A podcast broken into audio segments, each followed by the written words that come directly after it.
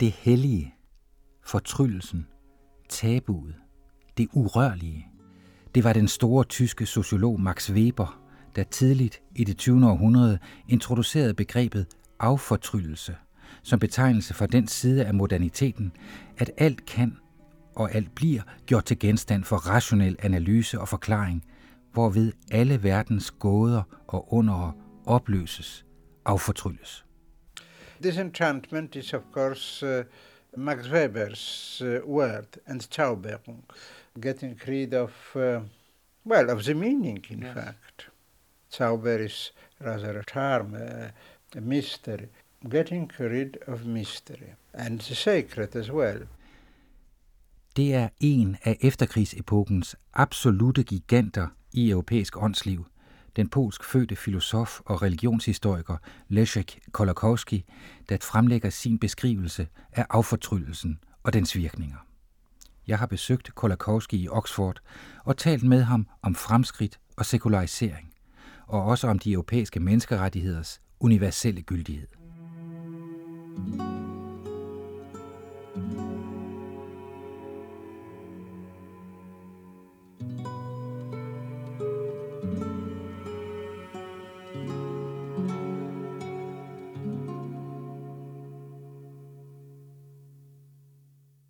Leszek Kolakowski blev født 1927 i Radom, 100 km syd for Warszawa. Hans far, en venstre intellektuel, blev taget af de polske fascister og udleveret til likvidering hos Gestapo. Resten af besættelsestiden gemte drengen sig på et afsides gods med et stort bibliotek, og ifølge legenden nåede han at lære alle bindene udenad. Efter krigen studerede han filosofi og teologi og blev doktor som 26-årig. Under oktoberopstanden i 1956 trådte Kolakowski frem som en af de ledende talsmænd for en såkaldt humanistisk marxisme. Det skaffede ham en offentlig kritik fra Gomulka, der ved den lejlighed overtog magten i Polen, og Kolakowskis kontroversielle tidsskrift Po Prostu måtte gå ind. Men han startede bare et nyt, Studia Filosoficzne, og både her og ved sin lærerstol som professor i nyere filosofi ved Warszawas Universitet, vendte han sig mere og mere kritisk mod selve marxismen. Fra denne periode stammer Kolakowskis mest berømte bog, Mennesket uden alternativer. Ved bogens udgivelse på dansk fortolkede Willy Sørensen Mennesket uden alternativer som det menneske, der ikke længere står i en så beklemt situation, at det kun har én valgmulighed, for eller imod, men tværtimod har vundet friheden til at indtage et tredje standpunkt, et hverken eller. Det menneske, der ikke ser friheden i sejren over modstanderen, altså alternativet, men i dialogen, i samtalen med ham. I den forstand er Kolakowski en meget tidlig repræsentant for den idé, der 30 år senere kom til at bære den antitotalitære opposition til målet, nemlig at den slet ikke skulle satse på magten. Mennesket uden alternativer udkom første gang i 1960, altså da Kolakowski var 32 år gammel. Han var på det tidspunkt stadig organiseret kommunist, selvom bogen rummer så uortodoxe betragtninger som om fremtidens uforudsigelighed, om umuligheden af at skabe en konfliktfri verden, om lyksaligheden ved, at mennesker altid handler inkonsekvent, og endda om det guddommelige åbenbaring i historien. Først i midten af 60'erne blev han omsider ekskluderet af partiet. Og i 1968, da han stillede sig på studenternes side i oprøret på Warszawas Universitet, mistede han også sit professorat. Men Kolakowskis verdensberømmelse lagde et stort pres på regimet, og han fik udrejsetilladelse. Et par år underviste han i Nordamerika, hvorefter han i 1970 på Jürgen Habermas indstilling skulle tiltræde et professorat i Frankfurt. Men de såkaldt fagkritiske studentergrupper blokerede hans indsættelse på grund af, som det hed, afvielser fra den korrekte marxistiske linje. Så i stedet tog Kolakowski imod et forskningsprofessorat ved All Souls College i Oxford, hvor han stadig fungerer. Det var her, i Oxford, han i 70'erne og 80'erne skrev sine metafysiske og religionsfilosofiske hovedværker, originale bøger om Spinoza, Husserl, Bergson og senest Pascal. For uden selvstændige traktater, som blandt andre Mytens aktualitet fra 73, Sæt der ingen Gud findes fra 82, Jagten på den tabte vidshed fra 86 og Den metafysiske redsel fra 89. Mærkeligt, at han stadig er mest kendt for mennesket uden alternativer. Det skyldes måske opgøret med hans egen marxistiske udgangspunkt. Liberalister bryder sig ikke om udgangspunktet, og socialister bryder sig ikke om opgøret. Det udfoldes især i bøgerne Den revolutionære ånd fra 72, Marxismen, Utopi og Antiutopi fra 74, og ikke mindst de tre bind Hovedstrømninger i marxismen fra 1977 til 79. Kolakowski har modtaget talrige internationale priser, og trods sit eksil tog han fra 1977 del i den polske borgerretsbevægelse KOR, der var med til at bane vejen for kommunismens fald 12 år senere. Men han bor altså stadig i Oxford, i byens udkant, i en lille bungalow på Hamilton Road. Og det er med en vis spænding, jeg ringer på døren. Gennem årene har jeg læst en del af hans bøger, vi har talt sammen et par gange i telefonen, men jeg har aldrig truffet ham før. Han går med stok. Ansigtet er det velkendte fra fotos, de grove polske træk, store ører, en næsten overdimensioneret næse og små udforskende øjne. Men han er ældet, og hørelsen har det ikke helt godt. Indenfor er indretningen spartansk. Jeg føler mig hensat til en af disse lejligheder i Warszawa, som der er så mange af i Kislovskis film. Kaffen er tynd, småkagerne er tørre, men samtalen er livlig. En time har vi aftalt, men det bliver til tre, og mere en diskussion end et interview. Det var affortryllelsen, vi kom fra. Den begyndte ifølge Kolakowski for mere end 300 år siden med den såkaldte oplysningsfilosofi. Enlightenment included the contempt for religious tradition. Moreover, even contempt for history as a source of wisdom um, or of values. It started with Descartes, even, you know, this contempt for our past as a source of wisdom. No, history is just a, is just an endless uh, repetition of uh, blunders and of nonsense and of superstitions and so on. We cannot learn anything from it. Oplysningsbølgen indebar en foragt for religiøse traditioner, og til med en foragt for historien som kilde til visdom og værdier.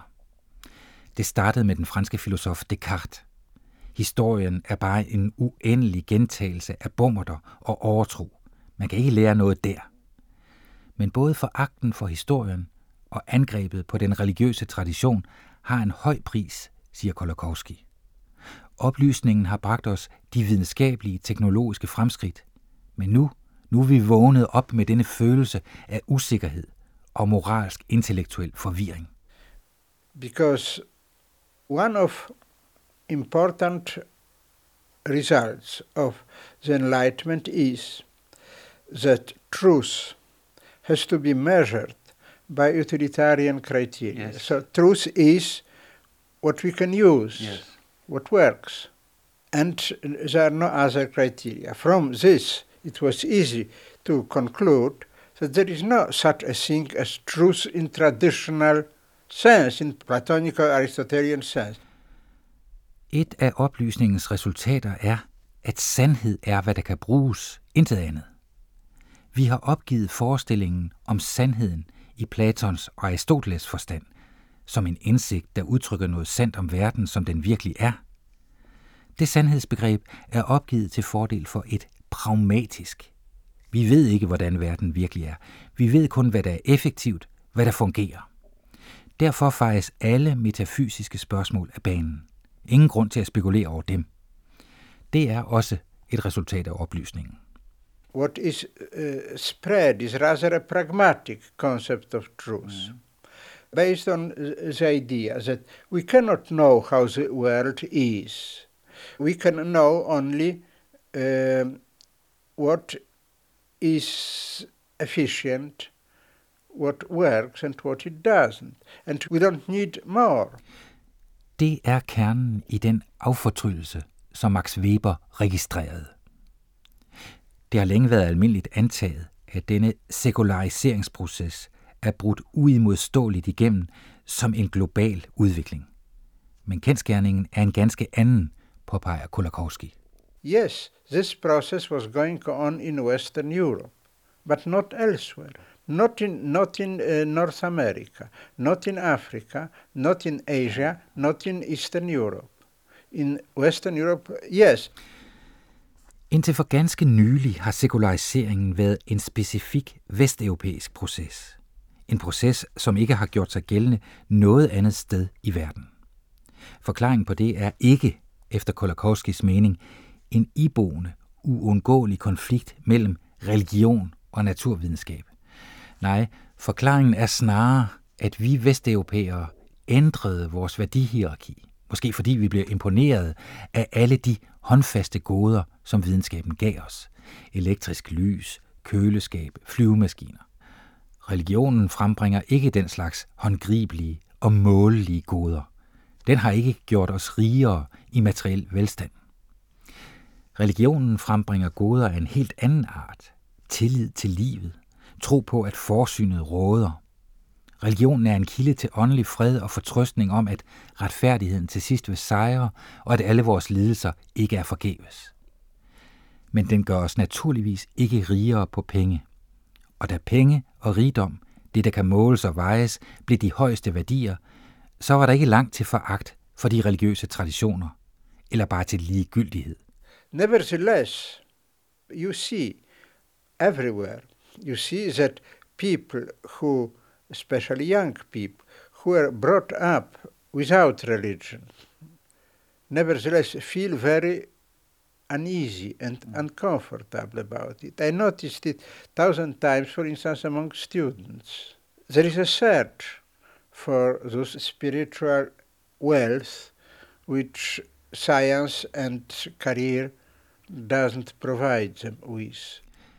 Ikke desto mindre ser man overalt, at mennesker, der er opfostret uden religion, føler sig utilpas ved det herskende værdihierarki. Det gælder i særdeleshed unge mennesker.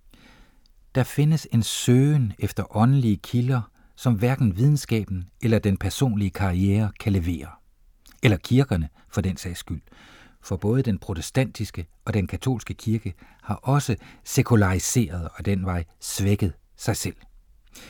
På mit spørgsmål om denne søgen, denne religiøse renaissance, svarer til romantikkens reaktion mod oplysningsfilosofien i begyndelsen af 1800-tallet, svarer Kolakowski med en advarsel.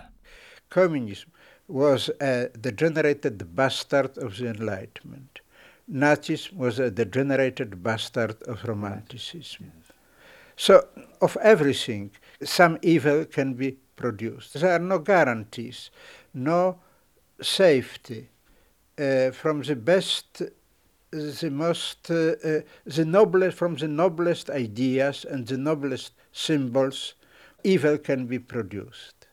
Whatever you take, yes. God, equality, the radiant future of uh, socialism, yes. nation, tribe, reason, everything can be used to, to slaughter and enslave people. Unfortunately, the devil is always there. Det 20. århundredes mest redselsfulde erfaringer, kommunismen og fascismen, var øjleunger af henholdsvis oplysningen og romantikken. Ondskab kan frembringes af de mest ædle idéer og symboler. Gud, lighed, socialisme, nation, stamme, fornuft, alt kan udnyttes til at myrde og undertrykke. Djævelen spiller altid sit spil. Men det fundamentale træk ved begge disse ekscesser, kommunismen og fascismen, er det instrumentelle menneskesyn. At det enkelte individ opfattes som noget, der kan udskiftes vilkårligt, så at sige efter behag. If human beings are treated as exchangeable, well, that's the, that's the premise of slavery. If human beings are not persons, but parts of a social machinery, if they're entirely reducing to their social uh, function, well, then of course everybody's expendable can be replaced by some uh, uh, somebody else. Nobody has uh, value in himself. I så fald er der jo ikke noget forkert ved gaskammerne, eller i det mindste må de gamle og de handicappede skaffe sig vejen. Religionen har bygget en barriere mod denne form for barbari. Men hvis Gud er død, har vi ikke længere nogen grund til at tillægge det enkelte menneske en ukrænkelig værdi. Hvis vores liv ikke er begrundet i en metafysisk opfattelse af universet, så findes der ingen grund til at tro på nogen moralske regler eller moralske sandheder. Alt står til debat. Alt, som ikke er videnskabeligt funderet, det vil sige begrundet i nytteværdien. Kun min private interesse gælder. Hvorfor ikke berøve dig og slå dig ihjel? Kun fordi jeg måske kan blive straffet for det. Vi bevæger os i retning af Hobbes samfund, hvor det eneste, der binder os sammen, er frygten. According to Thomas Hobbes, society is kept in, in a minimal order only thanks to the distribution, distribution of fear. And that there is nothing else to keep us together, so to say. If in such a society, for any reason, the instruments of order and of fear collapse, as, as it might happen, and it happened in history, then there is nothing that keeps alive our community as community. Ifølge den engelske filosof Thomas Hobbes, der skrev for omkring 400 år siden, opretholdes et minimum af orden i samfundet kun takket være distributionen af frygt. Der er så at sige intet andet, der kan holde sammen på os. Men hvad sker der så, hvis redskabet for frygt og orden bryder sammen i sådan et samfund? I så fald er der ikke længere noget, der opretholder vores liv som et fællesskab. Det er magtpålæggende for Kolakowski at understrege, at religionshistorien godt nok også er en historie om forfølgelser, forbrydelser og krige. Det kan der slet ikke herske tvivl om. Der er ikke blevet udgydt mindre blod i religiøse krige end i værtslige krige. Og mennesker har lidt forfærdeligt som følge af religiøse forfølgelser. Gennem det meste af historien har kirken ikke været frihedens forkæmper. Ikke desto mindre rummer sekulariseringen meget store fare, ifølge Kolakowski. Også den sekularisering, der nu skyller ind over Central- og Østeuropa. For uden tabuer, intet godt samfund. Der må være grænser, moralske barriere, som besidder en form for quasi-magisk kraft. Der er ting, vi ikke må gøre, fordi den guddommelige orden eller universets orden forbyder os at gøre det. Det er yderste vigtighed for vores samfunds overlevelse.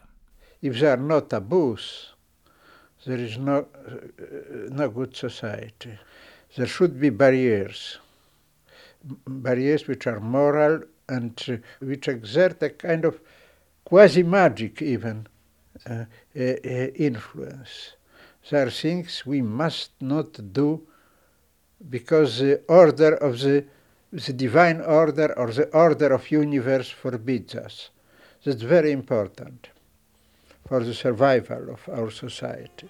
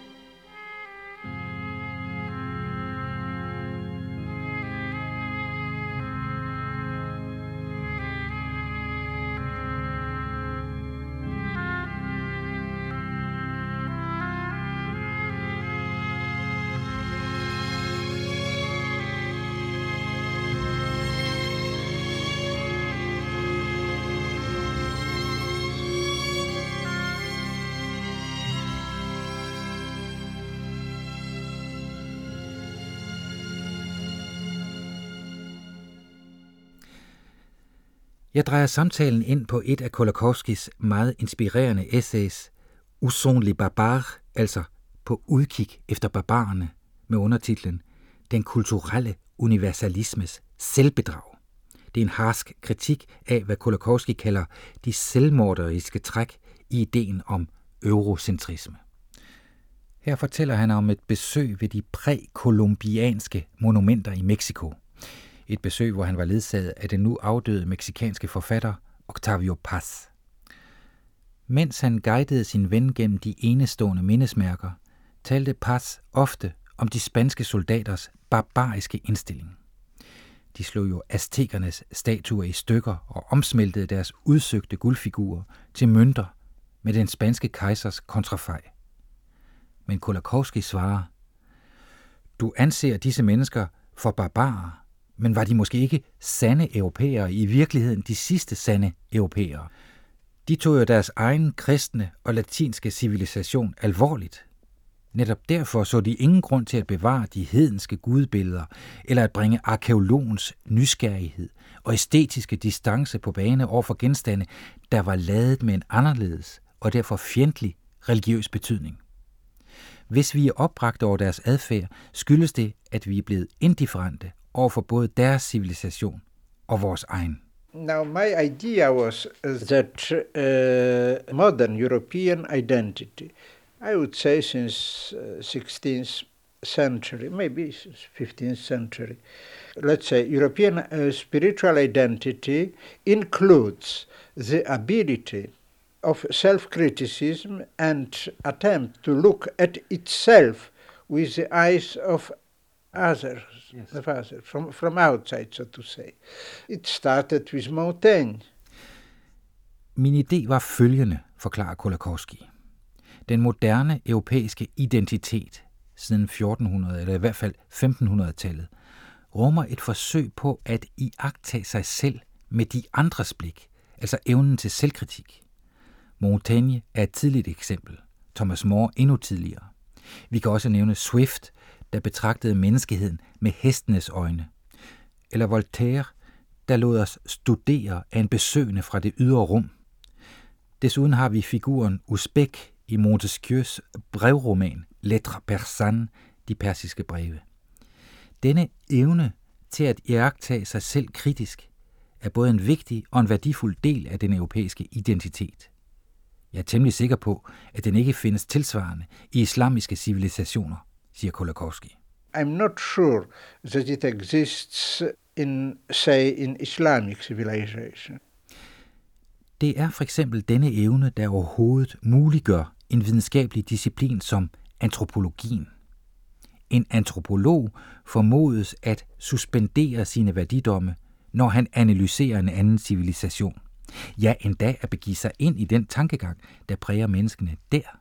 But, but, one can go in this direction so far that it becomes really dangerous and it uh, results in a complete cultural relativism, which is, which is expressed uh, today in the absurd saying, oh, those people have other values.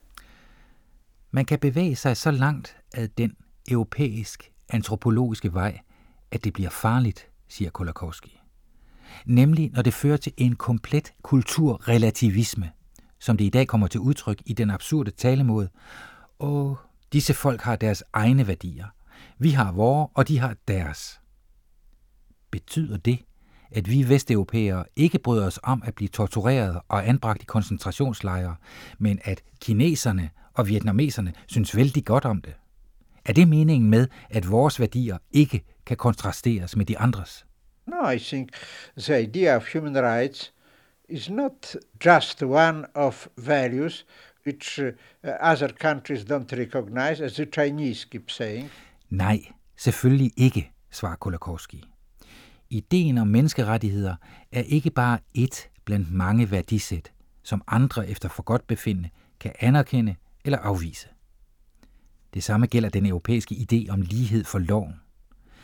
Samfund, der reguleres af disse idéer, er indlysende bedre samfund. Lad os ikke skamme os over det. Lad os tværtimod være stolte af, at disse idéer er blevet implementeret, om end langt fra fuldkomment, i vores samfund, hvorimod man i den totalitære verden kan blive spærret inde eller slået ihjel, blot fordi en tilfældig funktionær får et tilfældigt indfald. No, our idea of the rule of law, of human rights, is better, clearly better. Better than societies which those values are not observed. And let's not be ashamed that it is better. Let's be proud of it uh, that all those values are implemented, but not perfectly to be sure, but nevertheless to a large extent implemented in our societies. Whereas in a totalitarian world, you can be killed or put into a concentration camp by a, by a whim of a functionary.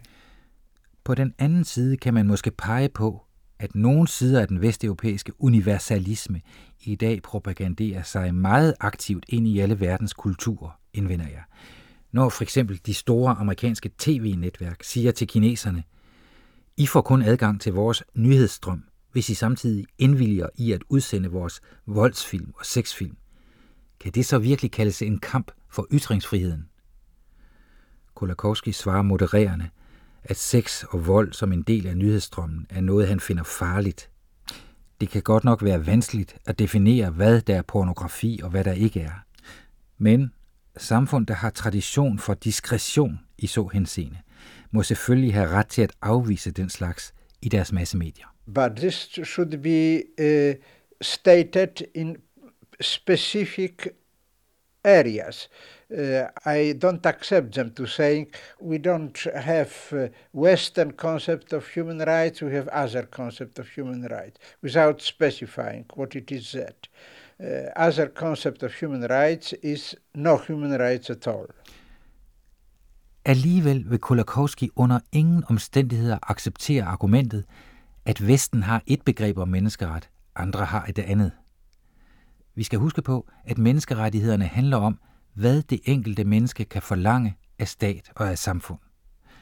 Der er ikke tale om en politisk ideologi, ikke en idé om, hvilket politiske system der er det bedste, end ikke en fordring på bestemte demokratiske institutioner. Med andre ord, listen over menneskerettigheder bør være kort, punkterne bør være specifikke, og de bør udelukkende være relateret til individet. I think that the list of human rights should be short and specific yes. and always related to individuals, to human persons. Derfor anerkender Kolakowski heller ikke, at menneskerettighederne omfatter sådan noget som for eksempel retten til arbejde.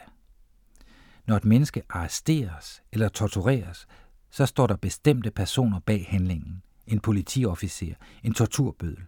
Agenten kan identificeres. Men hvem er ansvarlig, hvis jeg er arbejdsløs? Mange forskellige årsager kan være på spil. Hvis vi siger, at det er statens opgave at sørge for, at der er arbejde til alle, så befinder vi os allerede på slisken mod en totalitær stat.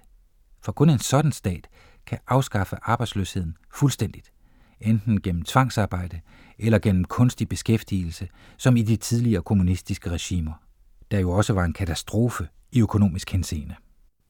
What I'm saying is that I don't uh, accept that among human rights there is such a thing as right to work, and this for the following reason.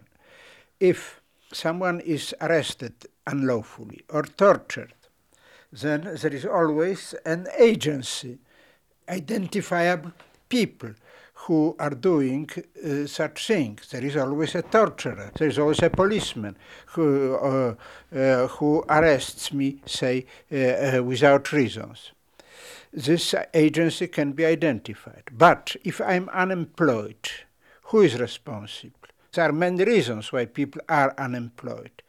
If we say that it is the duty of the state to provide everybody with work, then it, can, it must be a totalitarian state. Only totalitarian state can do that.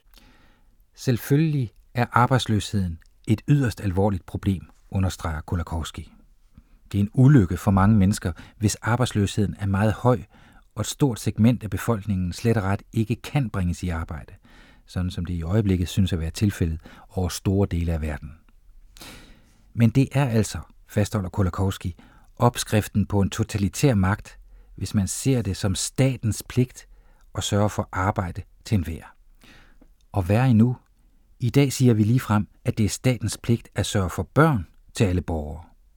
De, der er ramt af den dalende fertilitet, har en ret, nærmest en menneskeret, til at få deres problem løst på fertilitetsklinikker på statens regning, så at sige. Det er en fuldstændig forvrængning, barnagtigt nonsens, siger Kolakowski. Bag denne mentale infantilisme ligger forestillingen om, at staten er her for at forsyne os med lykken.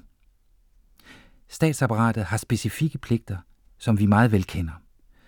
Det skal sørge for den ydre og den indre sikkerhed, og det skal sørge for en vis økonomisk udjævning og stabilitet gennem skatter, rentepolitik osv. Men forestillingen om en ret til lykken er farligt nonsens. Mennesker, der bare venter på, at statens afdelinger udfører deres pligt og forsyner dem med lykken, de opfører sig som uansvarlige, forkælede børn. There is no such a thing as right to happiness. It is nonsense, dangerous nonsense. And uh, um, uh, people who think that they have to wait for the state organs to provide them with, uh, with happiness are just uh, irresponsible, spoiled children.